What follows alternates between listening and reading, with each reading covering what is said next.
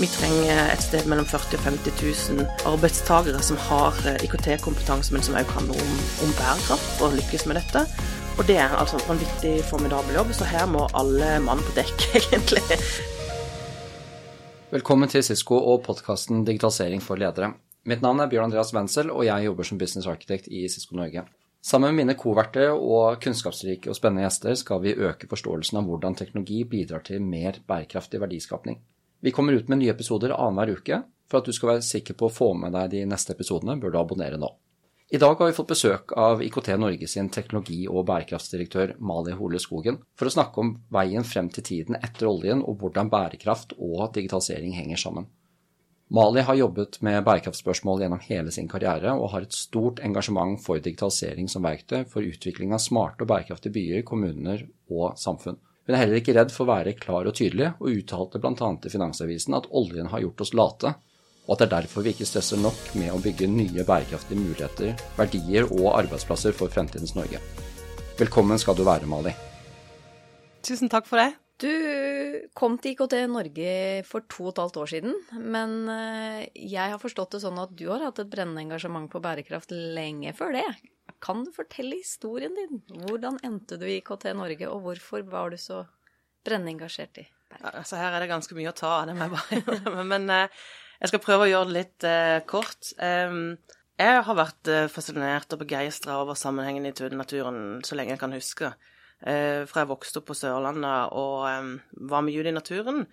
Og etter mye om og men så tok jeg mastergrad innenfor en slags blanding av matematikk og biologi og skrev eh, masteroppgave om hvordan eh, bestanden av kollmule vokser og synker med forskjellige eh, klimavariabler, da. Kollmule, nå må du utdype. Ja, altså kollmule det er eh, en liten torskefisk som eh, lever pelagisk langs norskekysten. Det var en av eh, de tre største fiskebestandene i verden før vi begynte å tråle på den, og en av de mest interessante funnene fra min masteroppgave handler om at du måler bestanden før og etter trålpresset kommer inn, og så effekten av eh, hvordan det påvirker fiskebestandene, da. Men eh, en sånn type utdannelse kan brukes til mange ting, og jeg hadde jo òg et eh, engasjement for spesielt det med at sant, Når du er liten og du oppdager liksom, Amazonas og barriererev og Antarktis og alle disse liksom, utrolige underverkene som finnes på planeten, så tror jeg at økt kunnskap om det gir et engasjement for å prøve å beskytte det, at det her er spesielt verdifullt for menneskeheten og for planeten. da. Så de valgene jeg har gjort i kjølvannet av den utdannelsen, de har jeg prøvd å gjøre sånn at eh, eh, når du står opp om morgenen, så kan du selvfølgelig begynne å grine av eh, alle ødeleggelsene som nedskoging og forurensning og alt mulig sånt noe, men du går an å si liksom Ta på deg joggeskoene, hopp opp, gjør en god jobb eh, på jobben i dag, og så er det et skritt videre, og så prøve å være konstruktiv og rasjonell, liksom. Så det har vært litt av de bakgrunnen for de valgene jeg har gjort fra oss å ha studert både matematikk og, og biologi. Når skjedde steget fra, fra, studiene dine og over til det du driver med i dag? Eh, ja, det kan du si. Det ramla litt oppi. Eh, nei, det handler faktisk om at eh, eh, jeg fikk mitt første barn, og så ble jeg gravid med tvillinger. Og så hadde jeg vært på South by Southwest i eh, festival i, eh, i Texas, da og holdt noen foredrag og vært i noen paneler der. Og eh, da var det noen folk der fra IKT Norge, og dette visste ikke jeg før eh, etter jeg hadde signert kontrakten med disse folka og begynt å jobbe, men de har fortalt at eh, når vi var på South by Southwest, så sa de at hun der skal vi jobbe sammen med en eller annen gang. Så når de kom og begynte å si liksom kan du, kan du begynne å jobbe i IKT Norge, så var mitt første svar nei, det skal jeg ikke. Men så hadde vi veldig mange fine samtaler. Og jeg ble mer og mer kjent med den bransjen gjennom de samtalene der, og fikk jo et veldig stort engasjement etter hvert.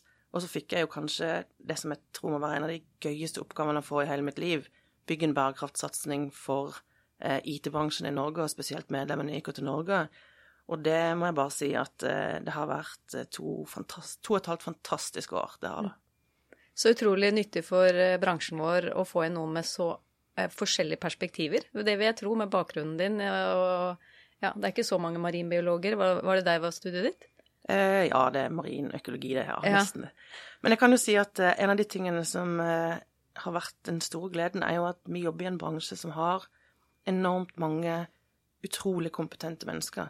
Det er skyhøyt nivå både for innenfor tekniske områder og på bærekraftsområdet, innenfor businessutvikling, jobbutvikling. Og jeg tror det er kombinasjonen av det som gjør at det er, dette handler ikke bare om klimagassutslipp, på en måte, men at det handler om alle delene av bærekraftsmålene, og at det handler om at for Norges del så handler det om jobbskapning. Det handler om å bygge et nytt Norge. Det handler om å bruke de tjenestene og teknologiene som vi kan utvikle her, til å bygge en bedre verden herfra. Og um, det er viktig å ha i bakhodet når vi jobber med bærekraft, at det er en totalpakke som skal til. Og um, eh, vi gjør så godt vi kan, i hvert fall i IKT Norge. Og prøver ja. å få det til. Ja, Det bringer meg godt, godt over på første spørsmål. På hvilken måte kan vi her i Norge utvikle nye industrier som vi kan leve av som nasjon da, etter oljen? Mm. For det første så gjøres det veldig mye spennende i dag. Og når jeg ble intervjua av Finansavisen, så sa jeg det som jeg tror at vi har vært litt fett and lazy lenge, og at eh, det kanskje skyldes at vi har hatt veldig, veldig gode tider, men at nå er det ting som endrer seg. Og vi trenger å bygge tradisjon for å bygge den slags type industri, utover det som vi har i Norge fra før av med olje og gass og supply-industrien osv. Og, og da er det noen ting som jeg tror kommer til å være viktig. Eh, regjeringen har satt i gang et nytt grønt industriløft. Det skal handle om eh, hydrogenproduksjon og eh, ny energiproduksjon. Eh, det skal være oppdrettsanlegg på land, det skal være mye mer kraftkrevende industri enn det som har vært eh, tidligere. Og det, vi ønsker jo at det skal være datasenterindustri og bygge ut den eh, digitale infrastrukturen sammen med det. Så når vi skal bygge ny industri i Norge, så er det jo selvsagt viktig at den både er på en måte At disse nye arbeidsplassene kommer, og det, det, er ikke noe liten jobb. Altså I veikartet frem mot arbeidslivet frem mot 2030 som NHO har gitt ut, så etterspør de 250 000 nye arbeidsplasser før eh, innen 2030. Og jeg syns det er verdt å tenke seg om en gang hvor stort det tallet egentlig er. Hvor vanvittig jobb det egentlig er å bygge 250 000 nye arbeidsplasser. Og de skal òg aller helst være grønne, da. Eh, og så er det jo sånn at eh, vi tenker mye på IKT Norge at eh, har vi kompetansen til å bygge disse arbeidsplassene? Har vi nok folk? Som kan IT og teknologi, som kan bidra til å gjøre dette konkurransedyktig og til å øke eksporten og til å bygge eh, ja, altså miljøer da, som, som, lykkes med disse satsingene som skal gjøres i Norge framover. Og vi har gjort beregninger sammen med Digital Norway og LIT-forbundet og flere andre som viser at eh, vi trenger et sted mellom 40 og 50 000 arbeidstakere som har eh, IKT-kompetanse, men som også kan noe om, om bærekraft for å lykkes med dette. Og det er altså vanvittig formidabel jobb, så her må alle mann på dekk, egentlig, hvis det, vi skal lykkes med det. Er det i mm. tillegg til det som finnes i dag? 40 000-50 000 ja, arbeidstakere? Ja, det er det. Før så var det IT-bransjen som rekrutterte teknologer hovedsakelig. Nå er IT-bransjen ikke lenger en uh, egen bransje. Uh, IKT Norge var bransjeforeningen for det som var uh, software, hardware, telekom og IKT-rådgivning. Nå er vi eh, bygg og anlegg, vi er oppdrett, vi er banker, vi er kamerateknologi, vi er ITS, vi er veldig mye mer. Og det handler selvsagt om at, eh, i hvert fall delvis, at digitaliseringen av eh, bransje etter bransje gjør at flere bedrifter opplever seg selv som teknologiutviklere. De bygger nye forretningsmodeller, de bygger apper, de bygger tjenester, de bygger ny type teknologi. Og derfor så ser teknologibransjen mye mer divers ut nå enn den gjorde for bare kort tid siden. For Jeg syns du er inne på noe spennende, Mali. For i IKT Norge sin, på IKT Norge sin webside så skriver man smart styring av samfunnet på ulike områder kan gi betydelig effektivitetsøkning og mindre belastning av miljøet, bl.a. innen transport, logistikk og helse. Og vi skal bare dra oss tilbake noen år. Eh, Ban Ki-moon sa jo for en del år tilbake at det er ingen plan B, siden det ikke er noen planet B. IKT Norge tar jo et standpunkt her om at IKT kan være med på å adressere egentlig større deler av samfunnet. Ja, det tror jeg. Og uh, en av de tingene som absolutt er viktig for liksom, de nye arbeidsplassene i Norge, uh, det handler jo om hvor disse arbeidsplassene bygges. Mm. Og jobbskaping i Norge har jo ofte vist at det er de små og mellomstore bedriftene som, hvor det bygges flest arbeidsplasser i Norge. To, nesten to tredjedeler av nye arbeidsplasser bygges der. Og en av de tingene vi er veldig klar over, det er at eh, eh, det er veldig mye politisk snakk om at vi skal bruke dataene våre. Det er det nye gullet. Hvis vi anvender dataene våre riktig, så kan vi bygge nye forretningsmodeller. Eh, vi kan selge data, vi kan gjøre big data-analyser, vi kan få mye mer ut av de på en måte, dataene som vi allerede sitter på i dag. Og det kan være konkurransefortrinn. Ja, men det bildet er ikke så enkelt. Og det handler om at eh, det er for små og mellomstore bedrifter å få tak i nok kompetanse til å bygge en ny forretningsmodell, bygge nye tjenester og produkter så hvor de kan anvende disse dataene. Det er en bratt bakke. Og eh, det, det, er et kjempeviktig område for IKT Norge, spesielt når det handler om å bygge så Hvis vi da skal komme i mål med 250 000 arbeidsplasser, så må vi tenke helt annerledes om hva slags type kompetanse som må inn i disse bedriftene for å lykkes med det. Hvordan tenker du vi gjør det, Mali? Det var høye tall rundt utdanning og på en måte de nye områdene som studenter trenger å lære seg i dag, det har jeg tenkt en del på. Hva skal vi fjerne? For vi kan jo ikke bare lasse på og lasse på når det gjelder kompetanse rundt digitalisering. Når, for du kan bare lære så mye. Så jeg sånn Den, den di, diskusjonen rundt på hva skal de slutte å lære seg, også er en viktig diskusjon i dette. Hvis vi nå skal gi mange en uh, utdanning også innen teknologi. Hva er dine perspektiver og tanker der? Jeg tror vi må lasse på og lasse på, eh, nei, og det, nei, det, er faktisk litt seriøst. Det er noe litt seriøst over det. Det er litt i overkant av um, 3000 studenter hvert år som går ut av norske høyskoler og universiteter som har uh, IKT-bakgrunn.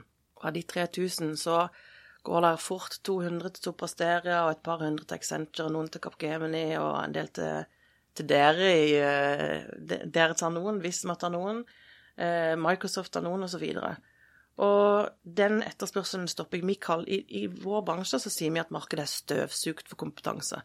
Og hvis du har noe komplementær kompetanse i tillegg til teknologi, hvis du f.eks. er ekspert på energi eller språk eller eh, andre ting i tillegg, så er du kjempe, ikke minst IT-sikkerhet, så er du kjempe, kjempe ettertrakta.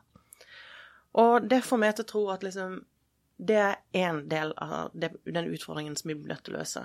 Vi må ha flere IKT-studieplasser. Annet fordi vi òg trenger folk som skal forske og skal jobbe i offentlig sektor og skal jobbe i de mellomstore og små bedriftene i tillegg. Og så må vi ha inn teknologi i alle fag. Og jeg vet at det er mange som prøver å finne sånne fag som ikke trenger teknologi. Og jeg tror det er en misforstått diskusjon. Mm. Jeg tenker at eh, alle fag vil påvirkes av den teknologiutviklingen vi gjennomgår i samfunnet. Også, eh, også alle kunstfag og språkfag og disse tingene vil også merke den omveltningen der. Og da tenker jeg at eh, her må vi bygge inn elementer sånn at faget utvikler seg i takt med det samfunnet som det er.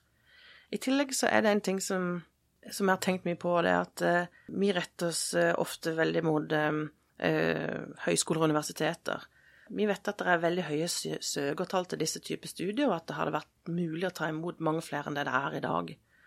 Men det er òg stor fallprosent, spesielt på tidlige studier. At for eh, f.eks. så er det høy strykprosent på grunnleggende mattefag og grunnleggende fysikkfag, som kanskje i noen grad handler om at du ikke har den pakken med realfag og forståelse og treningen innenfor de fagene som trengs her, eh, før du begynner på universitetet. Dette er ikke noe som må løses isolert sett, men myndighetene har et ansvar her for å stå i den utviklingen og sørge for at når de bygger en grønn industrisatsing i Norge, at det er samsvar mellom det behovet som næringslivet har for å bygge det, de nye arbeidsplassene, og det som foregår på universitetene og i resten av skolesystemet. Og der finnes det ikke godt nok svar og gode nok satsinger i dag, og det er, et, det er et enormt problem, rett og slett. Vi har jo våre behov i Norge for å understøtte samfunnet her eh, mm. i Norge. Og vi kan jo enten velge å løse kun vårt eget behov, eller så kan vi se det behovet opp imot globale behov, og kanskje løse på en måte som også tilrettelegge for at vi kan eksportere noe av disse løsningene eller noe av den verdien vi mm. skaper. Så vi må hele tiden tenke på hvordan kan, hvordan kan vi utvikle en, en, ny næring, da. Mm. Det er forskjellige måter å løse kompetanseproblemet på i vår uh, bransje, da.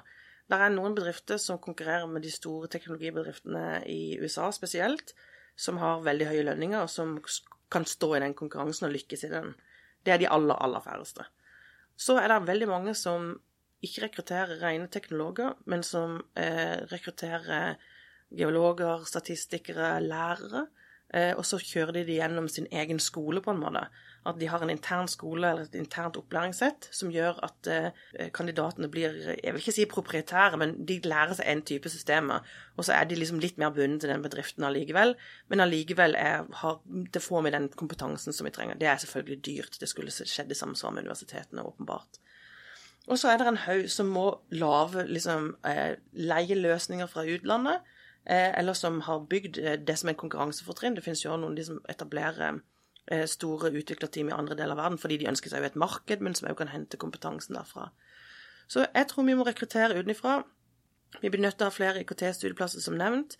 Og så må vi finne løsninger for hvordan vi skal kunne greie å holde oppe et for å si sånn, fagnivå på vår, på vår workstock, eller for de som jobber i arbeidslivet, som gjør at vi bygger løsninger og arbeidsplasser som gjør at Norge blir konkurransedyktig, og ikke minst øker eksporten på disse områdene her. Da. Man kunne nesten sett for seg at Norge ble landet i verden som eh, sto for å drive frem digitalisering eller bruk av digitalteknologi innenfor flere samfunnsområder. Da hadde det i hvert fall ikke vært et problem å forsvare eh, og utdanne det antallet, kanskje til og med flere enn det du mm. refererte til. Nei, jeg tror du har rett i det. Og vi har jo ganske mange fordeler. Vi har en god digital infrastruktur som kan bli bedre, selvsagt, men som er eh, veldig bra i dag. Vi har en høyt utdannet befolkning. Hvis vi, hvis vi utdanner den litt annerledes, så vil det jo sikkert være en konkurransefortrinn.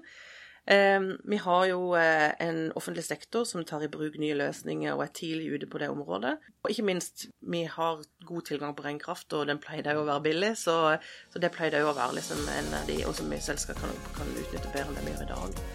Så det kan hende du er inne på en god løsning der. Hvis vi drar det tilbake litt til miljøet, da. Jeg var inne og sjekket nå i forhold til Earth Overshoot Day, som er en måte å måle på altså på hvilket tidspunkt i året vi egentlig har forbrukt planeten vår. Mm. Uh, og det er også brutt ned per land. Og jeg sjekket i 2022, så er den datoen for Norge satt til 12. april. Mm. Så egentlig bare noen uh, uker unna, mm. sånn sett. På hele verden så er det satt til 29. juli. Interessant at i, i 2020, var det vel, så ble det skjøvet med en måned ut pga. de endringene vi hadde i pandemien. De endringene i samfunnsvaner. Men vi forbruker jo tydeligvis langt mer enn den eh, planeten eh, vi har. Og jeg vet at du var inne og tittet i Hurdalsplattformen, og der er det jo en veldig tydelig uttalt strategi i forhold til IKT-næringen spesielt, da. Eller det var generelt alle offentlige anskaffelser? Eh, I Hurdalsplattformen er det definert en målsetning om å vekte klima- og miljøhensyn med minimum 30 i offentlige anskaffelser, og høyere der det er relevant. Da må jeg jo stille spørsmål til deg, Mali. Er det tilstrekkelig, og, og, hvordan bør vi bransjen adressere det her? Forskriften står det bør. Eh, vi mener skal, og vi har i Gutter Norge sagt 50 ja. Jeg vet at det er flere andre som har mener at eh, man skal gå fra bør til skal, da.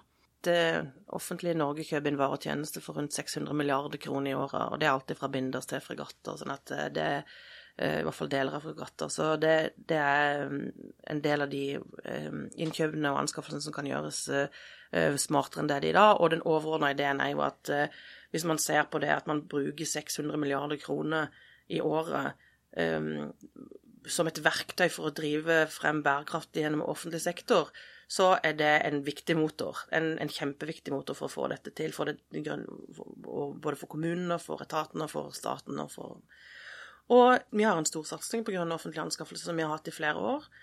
Og vi tror at eh, når man kjøper inn teknologi og tjenester som mange av våre medlemmer produserer, så tenker man ikke så mye på bærekraft eh, som man kan gjøre.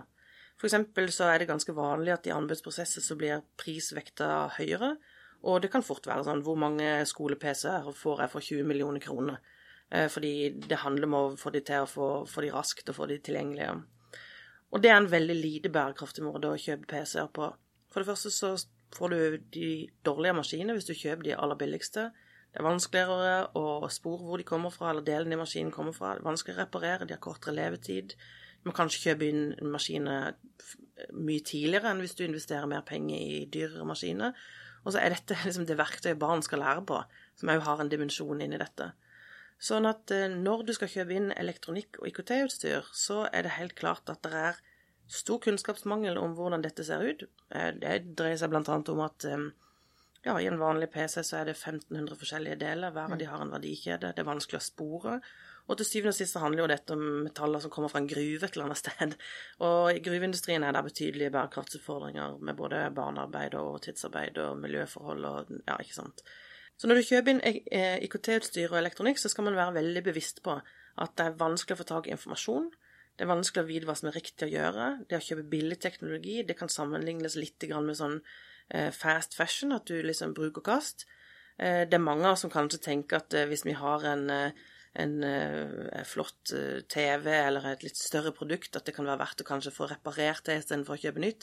Stavmikser, hårføner, hvem gidder å reparere det? Og det er jo noe som bidrar her til det som Eh, FN kaller for, eller World Economic Forum kaller for en tsunami av elektronisk avfall. Og det er et problem som vår bransje tar på aller høyeste alvor. Mm. Når vi driver frem eh, digitalisering, og når vi driver frem eh, bruk av teknologi som redskap for f.eks. løse FNs bærekraftsmål, så kommer det med både et energifotavtrykk og et materialfotavtrykk som vi skal ta vare på, som vi skal ta ansvar for. Når jeg hører deg, mm. så tenker jeg den praktiske i meg mm. tenker OK, jeg skal vekte noe 30% altså jeg skal mm. vekte bærekraft med 30 mm. Hvordan vekter man et innkjøp til 30% Har vi tenkt ut Altså, det er fint å skrive ja. det på papiret. Hva, hva, har vi tenkt her? Jeg tror at uh, du, du vil ikke komme til å få noe 100 eh, svar fra meg, for det skal du snakke med innkjøpsjurister uh, om hvordan du liksom teknisk sett gjør det. Men det er klart det at når du etterspør teknologi som du etterspør alle andre ting, så er det flere måter å gjøre det. Eh, du kan etterspørre Du kan eh, annonsere et behov, og så kan du få næringen til å være med og diskutere hvordan du finner løsninger på det behovet, istedenfor å si 'jeg skal ha akkurat den høyttaleren, akkurat den PC-en'. Du kan eh, ha dialogkonferanse med næringen, hvor vi kan diskutere løsninger som kan være mer bærekraftige og ha f.eks. mindre CO2-fotavtrykk eller kortere reisevei eller alle de tingene som kan inngå i det. da. Her er det mye å, tjene på å eh, samarbeide om å gjøre hverandre gode. Og så kommer det jo noen lovverk som kommer til å stille noen krav til oss. Det kom 1. juli, så trer eh, eh, åpenhetsloven i kraft. Da er det mange norske bedrifter som må eh, dokumentere sine deler av eh, eh, verdikjeden, spesielt når det kommer til anstendige arbeidsforhold. Og, og det, er en, det, er et viktig bidrag. Men så tror jeg jo at liksom de som Eh, kommer på toppen av dette og klarer å, å, identifisere hvordan de bruker innkjøpsmakten sin, gå dialog, prøve å spore så mye data som overhodet mulig, og kanskje også gjerne bruke teknologi til å gjøre det, vil ha en åpenbar konkurransefortrinn der. For det, det, her kommer det en omveltning, og det skulle bare mangle, egentlig. Ja, og så er det så fint å se barna våre, for de skjønner ikke at vi har tenkt annerledes. Ja. Samtidig så hører jeg du snakker med Ali om at man skal se på PC-er eller de fysiske produktene, mm. eh, og, og, prøve å vekte si, miljøhensyn og, og, bærekraftshensyn i forhold til det. Men jeg har vært borti et eksempel i Manchester òg, hvor man satte opp eh, fengsels, eh, altså prison workshops, da, eh, for å resirkulere brukt IT.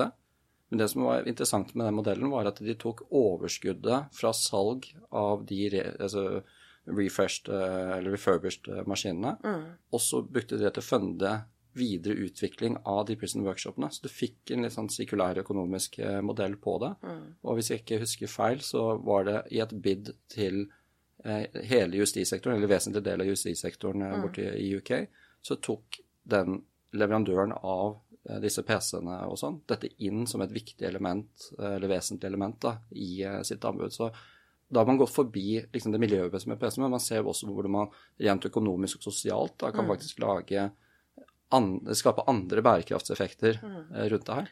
Jeg tror du er inne på et uh, veldig viktig spor. og Det er sånn at det er en del miljø i Norge som har begynt å tenke på den måten også. Uh, Norsirk har bl.a. starta dette Oslo-kollega, som handler om at de, de, som står utenfor arbeidslivet i dag, uh, kan komme inn og få fagbrev og opplæring i reparasjon av eh, hvitevarer og elektronikk som videreselges da. Og så får jo de De, de blir jo på en måte en del av sirkulærøkonomien, fordi de kommer inn i arbeidslivet og blir ikke stående utenfor loopen, de heller, på en måte. Og det syns jeg er en, det sosiale aspektet av hvordan menneskers ve og vel inngår i det, liksom forbruksverden som i, er kjempehøyt i Norge, altså et av de høyeste forbrukene av elektronikk i hele verden absolutt skal lene oss mot og absolutt skal prøve å finne løsninger på. Det tror jeg er den nye, moderne måten å løse dette på. Og det tar meg til det sosiale siden av bærekraftsområdene. En rapport utgitt i mars i fjor av, av Kompetanse Norge viser at 600 000 nordmenn blir definert som ikke-digitale. Hvem er disse? Og hvordan skal vi forhindre digitalt utenforskap? Ja, jeg tror ikke det er så vanskelig å finne de, egentlig. Det må jeg si. Og en av de tingene som jeg for så vidt ikke nevnte i stad, men det er klart at liksom, vi må jo ha etterutdanning eh, og videreutdanning av de som allerede er i arbeidsstyrken i dag. Fordi teknologi er et område som utvikler seg såpass fort, så alle må ha påfyll. Men det er klart det at liksom vi finner, Når vi finner løsninger på hvordan vi samhandler både sosialt, eller får hjelp, eller har kontakt med det offentlige, og noen ikke får den eh, tilgangen fordi enten terskelen er for høy, eller du har disabilities, eller det er andre hindring, økonomiske hindringer som kanskje Eller det kan være faktisk også tilgang på nett. Det er ikke så himla utbredt. Men eh, det er klart at eh, vi må ha en digital infrastruktur som gjør Norge rettferdig, eller som gir rettferdig mm. tilgang, da.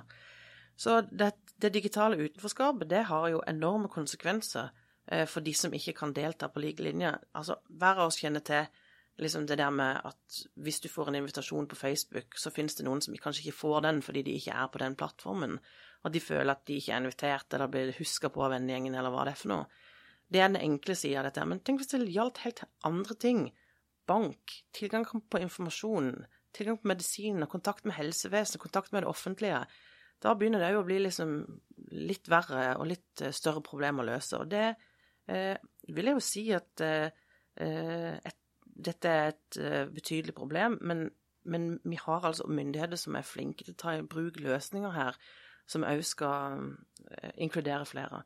Så det at uh, man får del, på sett og vis får delta i det digitale demokratiet, mm. det, det, er selvfølgelig henger tett sammen med bærekraft. Det var vel kanskje jeg som syntes at 600 000 var veldig høyt. Eh, og da blir man jo veldig Det er vel kanskje derfor jeg graver litt i det, for å forstå hvem er de, og hva er utfordringen? Sant? For mm. det er én ting er å ikke være på Facebook, og det er jo et mm. flott valg, det.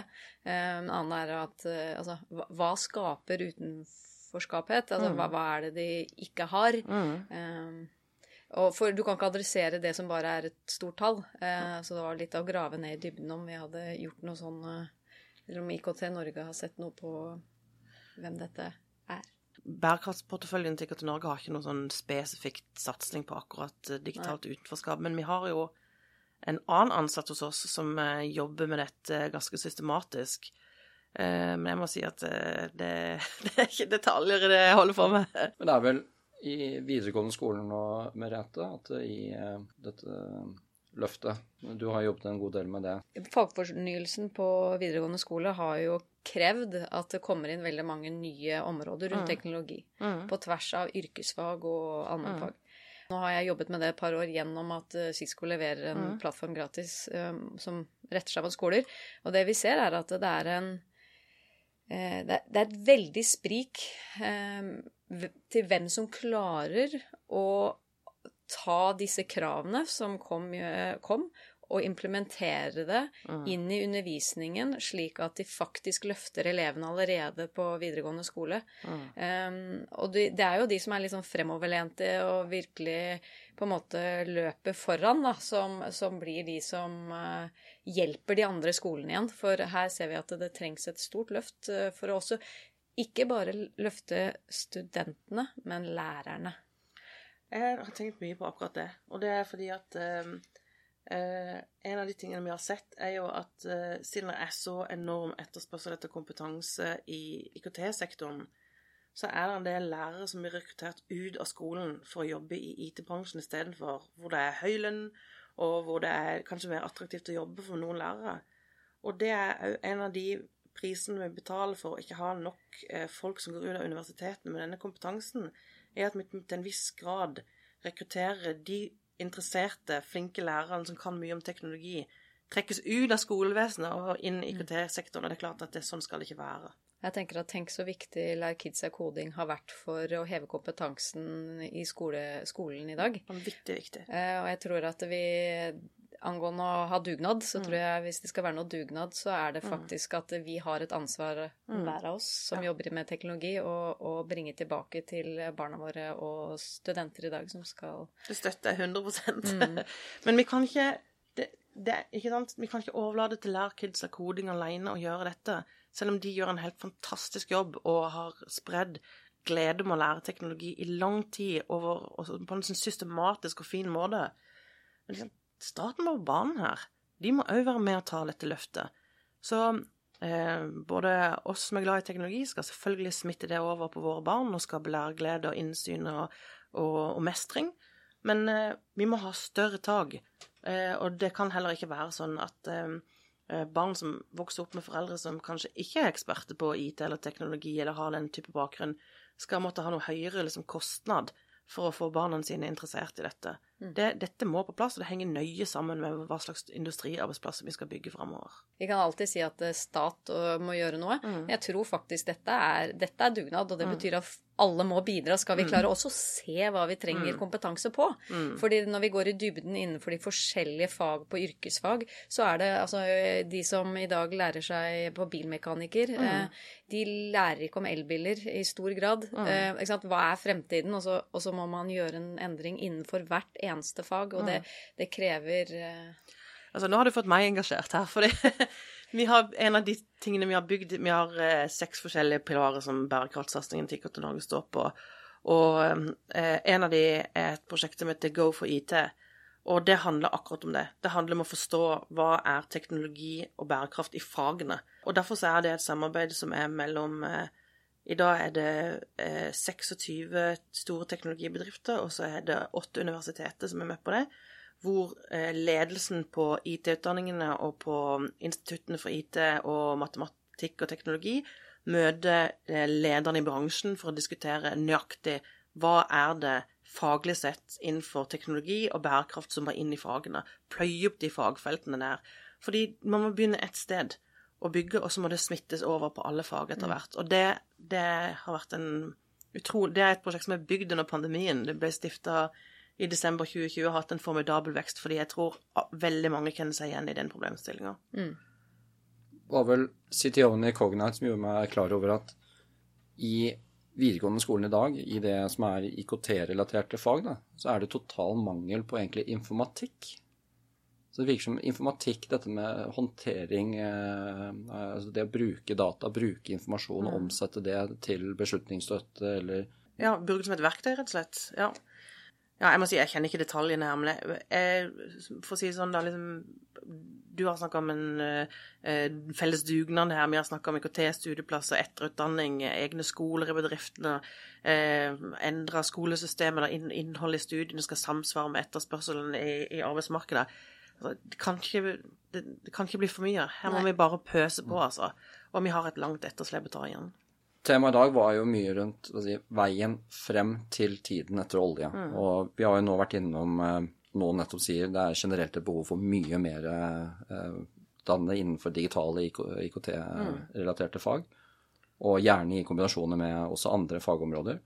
Vi har vært innom at det er behov for egentlig økt generell digital forståelse innenfor alle deler av, av samfunnet. og og, og ikke minst at vi må tenke bærekraft i det store bildet og når man utvikler forretningsmodeller. Og, og her er det jo eh, professor Luciano Floridi ved Oxford eh, har jo brukt begrepet green and blue. Har, har du eh, satt deg inn i det, Mali, eller hvilke Ja, det er jo liksom litt av det feltet som jeg er ansatt for å pløye opp, da.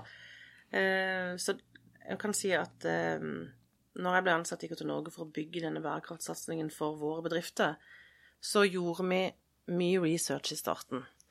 Vi hadde en svær undersøkelse ute blant eh, eh, nesten hele vår bransje, hvor vi eh, fikk innsyn i eh, hvilke bedrifter er det som rapporterer, hvilke er det som har strategi for bærekraft i ledelsen, hvilke er det som har kanskje en sånn systematisk tilnærming med å lære opp de ansatte, forstå sin rolle i bærekraftsarbeidet, enten du er innkjøper eller prosjektleder eller front-end-utvikler eller back-end, eller hva du enn er for noe. Vi prøvde å forstå hvilke områder er det innenfor eh, teknologi og IT som bransjen selv opplever som de største flaskehalsene for å kunne jobbe bærekraftig.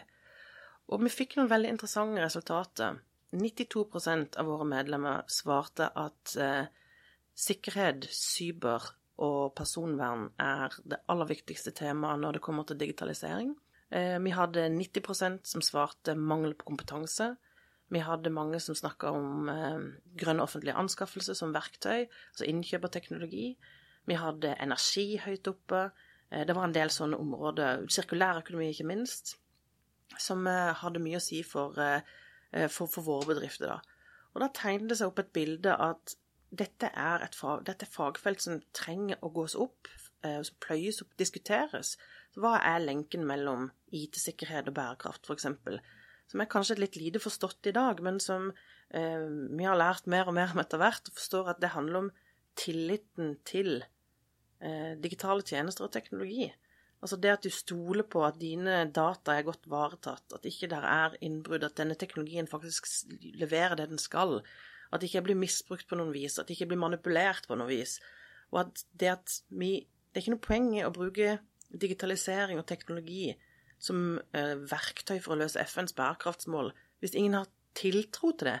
Og spesielt i et land som Norge, hvor vi har høy tillit, eh, vi har en høy tillitskultur både til myndighetene og til og det offentliges bruk av digitale verktøy det er verdt å bevare, fordi hvis det blir brutt ned, eh, så er det forferdelig, forferdelig vanskelig å, bygge opp igjen. Og vi har jo sett i løpet av pandemien at eh, det har vært en økning i, i liksom trusler mot både Stortinget har vært gjennom to runder, og Hurtigruta av olje, og Østre Toten kommune fikk kjørt seg, og liksom det, er, det er en alvorlig situasjon. Sånn at den, hvis den tilliten glipper, så er vi da, da kommer vi ikke i mål med noe av dette. På kompetanse har vi bygd Go for IT. På energi har vi brukt Cleantech Oslo. På grønne offentlige anskaffelser har vi bygd en egen satsing på som går på teknologi. Vi har starta opp et sirkulære økonominettverk som både ser på energibruken bransjen har, men òg materialfotavtrykk, altså alt på metaller. Så det er den satsingen er satt sammen sånn, basert på den undersøkelsen.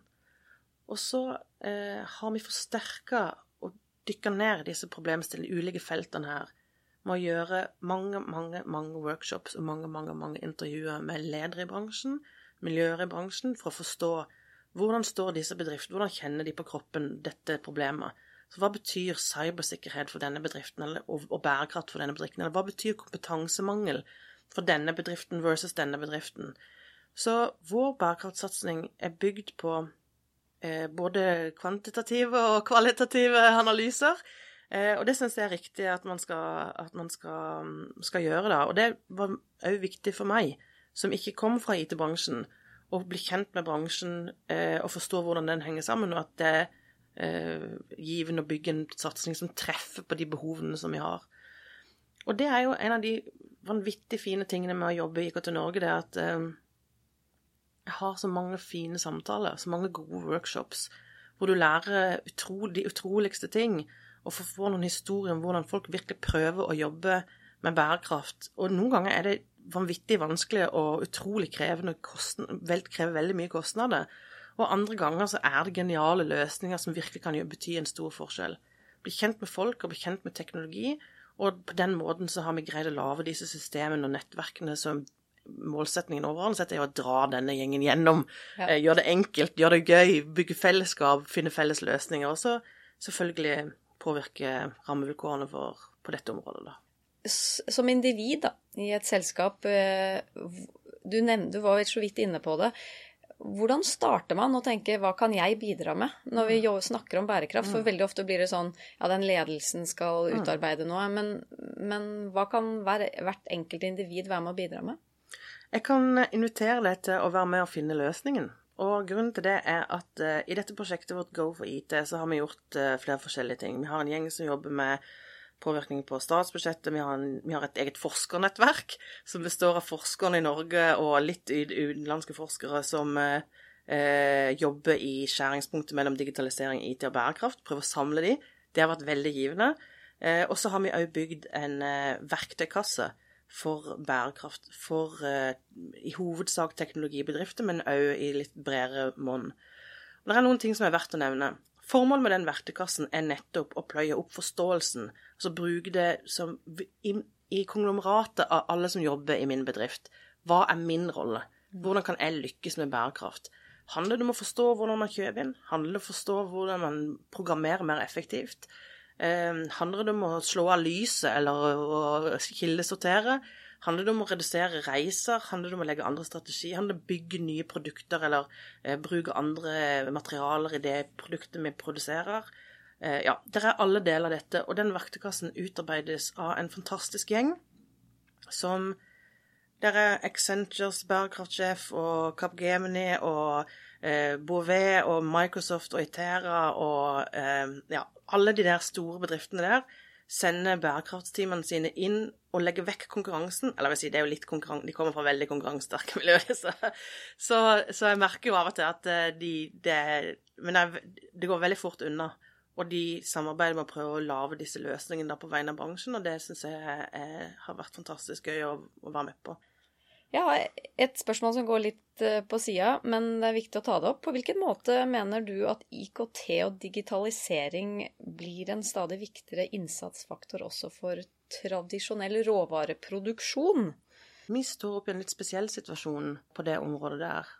Og vi har jo debatter i Norge da som handler om f.eks mineralutvinning både på land og i havbunnen. Og for oss som eh, trenger disse metallene veldig, da, som representerer den bransjen som eh, trenger spesielt tilgang på sjeldne jordartsmetaller, eh, og det er mange grunner til det. det. det. ene er selvfølgelig det voldsomme forbruket som vi har i Norge. Det andre er at eh, eh, med digitalisering og teknologiutvikling, alle skal ha mobiltelefoner og skjermer. og i, i de datasentrene er det jo fort 250 000 servere som byttes hvert tredje. Altså det er voldsomt etterspørsel etter teknologi og IKT. Og det kommer en voldsom eh, avfallsmengde av dette her. Så metallene som Norge potensielt sett skal utvinne i fremtiden, de spiller mange viktige roller. Samtidig så er det vanskelig for meg, som eh, eh, liksom har marinbiologien tett til mitt eh, hjerte, da, og tenke på at um, dette er uberørt havbunn på uh, mange tusen meters dyp i Nord-Atlanteren. Det er knyttet uh, betydelig risiko og, og, utfordringer med å utvinne de metallene.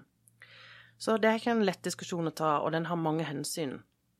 Men jeg kan si at um, jeg tror at det er et klassisk eksempel på debatter som vi kommer til å stå i veldig mange ganger fram mot 2030 dilemmaet der, må, der, to bærekraftsforhold går mot hverandre, og hvor man ikke får løst det ene eller det andre, hvor det ikke er en svart-hvitt-situasjon, men det er masse gråsoner. Og det er jo mitt ønske at vi skal finne gode løsninger på sånne problemer så tidlig som mulig, og ikke presses på tid. For det, det er jo litt av det som jeg begynte med å si, at eh, hvis presset på, disse, på tilgangen på disse metallene blir for stort, da opplever vi jo det som jeg personlig er veldig opptatt av, at vi ikke skal ta Antarktis og, mm. og, og Amazonas og, og barriererev og disse virkelig liksom At det, noen ting må være liksom litt hellig. Og norskekysten er litt hellig. Den er litt hellig både fordi den er unik på veldig mange områder. Eh, det er jo noen oppvellingssoner, og det er havstrømmer, og det er noen voldsomt viktige fiskerier som er noen av de best forvalta fiskebestandene i verden, ikke sant. Sånn at det er eh, noen viktige miljøhensyn å, å, ta der også. Og det tror jeg vi skal være veldig bevisst på. At vi mm. står oppe i en situasjon der eh, digitalisering og teknologi og liksom ytterste konsekvens er jo dette og liksom litt geopolitikk og Norges digitale suverenitet. Eh, og så eh, liksom uberørt havbunn på den andre sida. Og det er fryktelig viktig at den diskusjonen ikke blir en svart-hvitt diskusjon, men at det blir en diskusjon hvor vi finner de løsningene som ultimat sett gir best, eh, beste løsningene. Det du sa nå, fikk meg til å tenke på en ting som vi ofte snakker om i cybersecurity. Du var inne på mm. cybersecurity. Da snakker vi alltid om å bygge en sikkerhet by design. Mm. Kanskje dette med å ha altså Nå driver vi og ser på råvareproduksjon og kanskje hente ut mineraler i, under havbunnen. Mm. At du bygger inn bærekraft by design eh, når du starter opp eh, noe nytt. Det tror jeg kunne være en eh, kanskje noe vi, vi lærte, har lært ganske på en hard måte, at sikkerhet må inn fra start. Eh, det må vi kanskje tenke når vi går inn i nye industrier. Jeg må si Det det var overraskende for meg når vi fikk svaret på den undersøkelsen at det var 92% av medlemmene i IKT Norge som, som satte sikkerhet og personvern og cyber så høyt. Men det har vært en enorm glede å prøve å lytte til å finne ut av hvordan de sammenhengene heter. For det er flere likheter mellom bærekraft og, og, eh, og sikrere enn man skulle tro. Og dette kan fullt være, veldig gjerne være en av de. Det jeg hører gjennom veldig mye av det du har sagt, eh, Maler Jeg, jeg nevnte jo han eh, professor Floridi tidligere, mm. og, og, og, det han argumenterer for med green and blue, det er jo at det vi var i ferd med å, å gjøre i forhold til eh, produksjon av teknologi og, utstyr og sånn, at dette har tatt helt av. Eh, du var jo inne på det tidligere. Sånn at det grønne kommer til å være med nå og si, vise oss hvordan vi må begrense og tenke smartere der, og, og i mye større grad tenke gjenbruk og sånn, så at vi ikke skjærer helt ut. Men så sier han samtidig at det blå, da, som er liksom digital teknologi, at det, det er samtidig da antageligvis et veldig viktig verktøy i å løse mm. utfordringene vi har innenfor det grønne, alt som har med, med, med miljø å gjøre.